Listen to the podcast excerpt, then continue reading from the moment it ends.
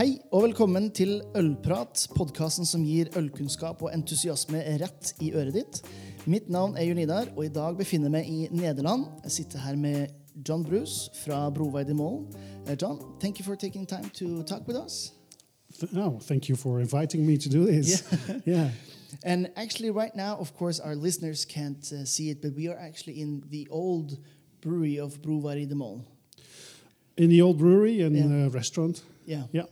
And uh, uh, you are um, running a brewery, you're in a brewery which is known for um, experiments. And I know for my own sake, uh, I've been doing craft beer for the last uh, decade, uh, that a lot has changed in terms of experiments and uh, sort of pushing the boundaries of craft beer. You have gone from trying to educate, at least in Norway, educate um, the pils drinkers that there is something else than just uh, pils and then beer and uh, Christmas beers.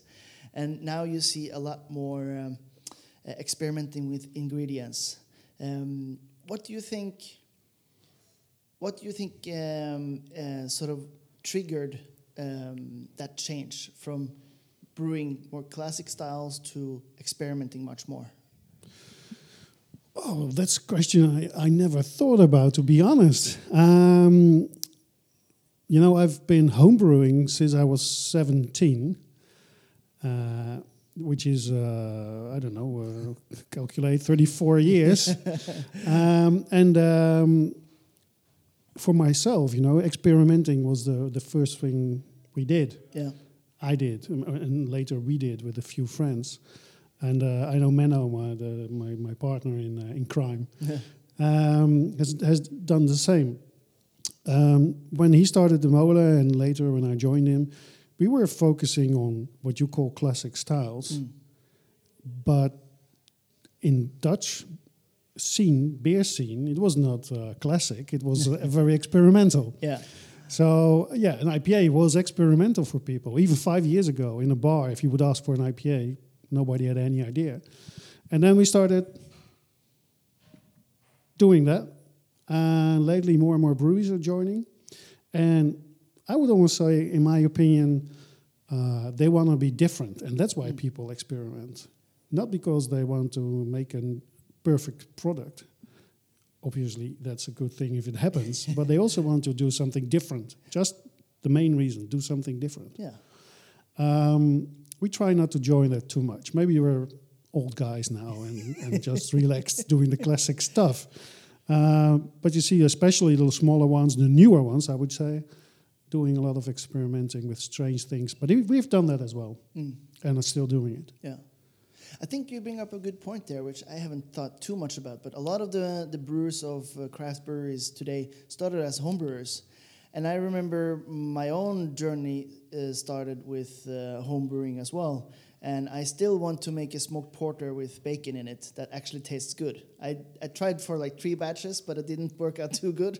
but uh, I'm not going to give up. But the, the, um, the sort of um, desire of creating and experimenting um, is, is, like you said, something that uh, develops over time, maybe, as, as it matures. Yeah, yeah. I don't know. Yes, it, matures, and, and but you need the experience as well. We did, a, by the way, a beer with bacon. Yeah. uh, contract brew, not for our own, for someone else, and um, turned out very nicely. Yeah. But it was a, a sugared bacon, candied bacon. Ah, yeah. No, I want the real stuff. Like You I want the want real to fry, stuff. fry my own bacon and then somehow extract it in. Yeah, So uh, I just like the Bamberg beers that smell and taste like bacon, Yeah. but there's no baking in. them. no, that's that's true. They're really good. I'm a smokehead, so I, uh, I yeah, can yeah, yeah, me that. too. Well, not not with like cigarettes, but in my beer, yeah. Yeah, yeah. Beer wise, Yeah. that's important to emphasize. So I forgot your question actually, but No, that's all right. But um, when you think of of the new ones, I, I you said that they're they're trying to do it to be different. yeah, It, it's not. There is an expression in homebrewing, at least, that says uh, everything but the kitchen sink. Mhm. And I think at that point you don't you're not experimenting. You're just trying to be different and just doing something to be different. I don't know. Do you think that's a, a viable uh, business strategy for a new brewery? for a new brewery maybe. Yeah. Um, because you need to show yourself. Mm. Brewing another IPA is uh, not attractive to most beer geeks, uh, even though they like drinking it. But it's not something they would hunt for and go for. And uh, so I think it will be. You have to be different to to uh, show yourself, Yeah. uh, either in super quality or in doing something nobody else did uh, or, or few people did. Mm. I think it's very important. But if you outgrow that, you need to find something else for your business. Yeah. I mean, it, it is business. Uh, you have to make a living, uh, and um, you cannot do that by just experimenting and making uh, 500 liter batches, unless you have people to to buy them, just enough people to buy them every time you make something different. But I think I think you will need to do something else as well, not Yeah. just the experimenting. Yeah. If um, like we like we in the introduction, I talked about that you have done a lot of experiments. Can you bring out an example or two of times you have experimented with, or or, or let's let's start from the beginning. What, what would you consider an experimental ingredient in a beer? Because like from the purity law, you can say What? you have malts, you have yeast, you have water, you have Yeah. hops. And everything else. Yeah. Um, well, actually, we just Menno and I were uh, discussing it the other day. Uh, our festival we have every year, we do a, a, a themed beer, Mm. and we find some theme. It was Reinheitsgebot a while ago. We had Bock beer, and now we're looking for a different theme. Mm. But what can we do to make it interesting? it's becoming difficult, you know. Yeah. You can throw in fruit, you can throw in craziest spices or whatever. It's getting more difficult. Mm. Um, I, I'd rather do something more on the process side of Uh-huh. things, you know, and not ingredients, but the way you make the beer or uh, a beer we, we you don't see often, which is very classic, is like a stone uh, beer. Yeah. You know, the German one where you put stones, hot stones, instead of boiling the beer. Yeah. Um, not not that typically, but something different. Find some different uh, thing to do. That would be cool. Yeah. Like new yeast strain, uh, like Vermont uh, IPAs. You know, uh, that was a very cool, new um, experimental thing. How do you call it at first? But and now it's getting mainstream. Yeah. Yeah. Yeah, that's true. Have you uh, have you had a chance to uh, check out the Kveik, the Norwegian uh, yeast yet? Uh, I I did. Yeah. Uh, Menno did a collaboration with it, and um, in Norway, uh, I tried it. Um, didn't fall in love immediately. No. That's an honest answer. Yeah. Yeah. Oh yeah. Well, Dutch. Uh, Give a direct answer. Well, we're Norwegians, so we are used to it. okay. So no, I think that's a, that's a good point. We we talked a little bit earlier about um, the the, uh, the the the process and how you get more skilled will also ensure that you get more knowledge of the beer you're actually brewing. I think um, looking at some of the, the breweries that starts up are in their their background is not necessarily as a, a brewer, at least not in, in Norway. So their their knowledge of the process might not be the best either. When do you think it's uh, um, it's a dangerous question to ask, but when do you think uh, it's okay for the consumer to think that, all right, this this brewer he's new to the scene, uh, we're going to give him X amount of time so he can sort of perfect you, accept more va- variations in um, in the standard portfolio. When do you think that um, a, a from a consumer standpoint that all right, enough is enough. This is not a very good brewer. He has not uh, learned his craft. I think that uh, the time they take to, to give you this credit is getting shorter and shorter. When we started, there was a, a few breweries in Holland and nobody doing something exceptional, just lager or Belgium style beers. Uh, then when you go crazy, they they accept it Yeah, because it's new to them. Uh, and if you improve in time, you know they they they, they uh, uh, accept it as of course as well, and they keep uh, accepting it. Uh, if you start now and you have bad quality beer, I think if you issue two beers, uh, they will leave you. They Yeah. will, they will never try a third. No. That's uh, it's it's it's really changed. It really changed. I think you're correct in that because when I when I ask you the question, I remember back to my time um, working in a restaurant in Oslo. This is now eight years ago, nine years ago, and from a well-known now well-known brewery. I remember we got a routine that whenever we were going to open a beer from them, we had to go into the kitchen and into the uh, dishwasher just in case it was exploding. Yeah. But we accepted it. We keep keep buying it, and I- sometimes the beer was fantastic. I did sometimes not. exactly the same. Yeah. You know, whenever I bought beers from small breweries, I opened them in the in the sink. yeah, yeah. Yeah, I, I think um, uh, I, don't- I don't think customers is that patient anymore. No. No, for sure. No, I'm afraid not. No, No. the uh, the average top quality has probably gone too much up. Well, the average, I don't know, uh, but there are enough enough breweries making good stuff Yeah, to choose from. So why would you choose something you are pretty sure you don't like? that's, that's a good point. Yeah. Um, talking about experimental ingredients, you talked about the process. Mhm. That, that might be one way to experiment with a beer, and I think a lot of uh, a lot of not maybe not beer geeks, but uh, beer enthusiasts, people who are getting into craft beer, think of things like um, lactose, mango puree, vanilla, black pepper, things like that is experimental ingredients. Mm-hmm. Um, you make about two new beers a month, if I don't remember incorrectly. Almost. Uh, what are some of the the craziest things you have put in a beer in terms of ingredients? Uh, in terms of ingredients, I would say uh, something like grasshoppers. Yeah, That was uh, that was really different. Not a bad beer, by the way, but uh, had some problems foaming. But, yeah, um, uh, but the beer was okay. Uh, we did a lot of real wasabi ones in Yeah. a beer, and may, and that turned out was very nice at first, but after a few weeks, it's uh, something happened in the beer. Uh, I, I know we, we don't pasteurize or stuff like Yeah. that. So, um, um, probably the craziest thing I can remember right now was, uh, uh, you know what whey is? If you make Yeah. cheese, yeah. you have uh, like a leftover sugar water from the cheese making.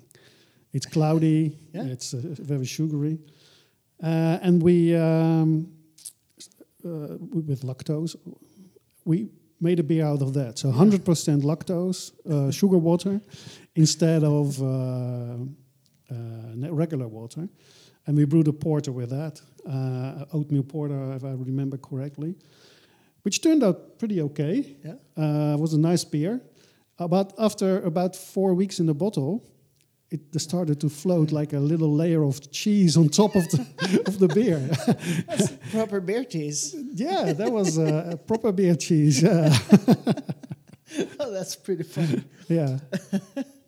So, um, if you um, if you look uh, look past things like uh, the the Kveik beer that uh, that was made and maybe the grasshopper one. By the way, uh, uh, was the the grasshopper beer was it the hoppy?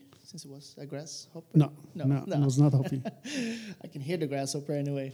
Um, but um, what are some of the the the best beers you've you made in, in your mind, where you put an ingredients in a beer and you went like, wow, this is this beer is actually much better than we anticipated because of these ingredients. Yeah. Well, maybe one of our most recent, it, it has not even been released. Um, we made a, uh Berliner Weisse with uh, lychee and um uh, passion fruit, which sounded to us like a very nice uh, combination, which Yeah. wasn't too bad. But the combination with the new experimental for us uh, yeast, not the regular Vermont yeast, uh, didn't turn out that well. And then we thought, okay, let's throw away this beer. Or, you know what? As any of the brewers, we have four brewers, have any ideas? What can we do? And in the end, we added next to the lychee and uh, uh, uh, the passion fruit, uh, mango, uh, no passion fruit. Uh, we added white chocolate, Yeah. uh, zest from uh, oranges, and some vanilla.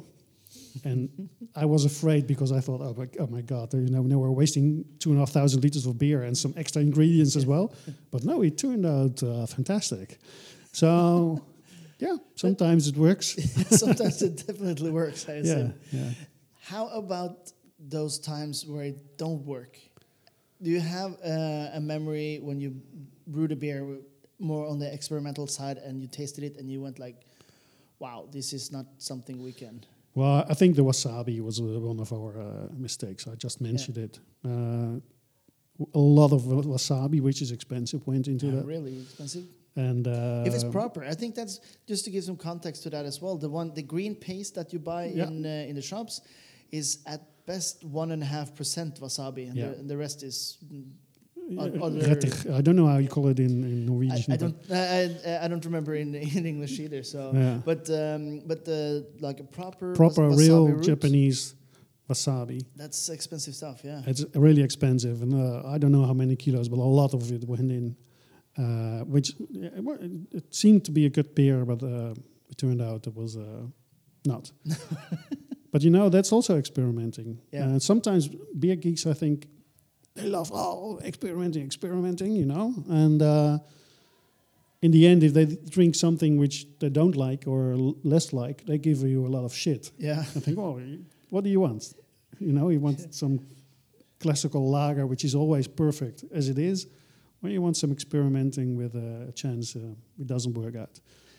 I think that's a good um, good point. If you look at the, the restaurant world, some of the the restaurants with the um, the highest reputations with the Michelin stars, a lot of them experiment as well. And in that, you can always almost see a food critic um, talk about uh, the food, and there is almost always one dish which is not fitting, but it's a is a part of an experience, Yeah. a part of a learning, Yeah, like you yeah, said. And. I think uh, bear geeks and uh, bear nerds are probably harder than food critics in that uh, that matter. I think so.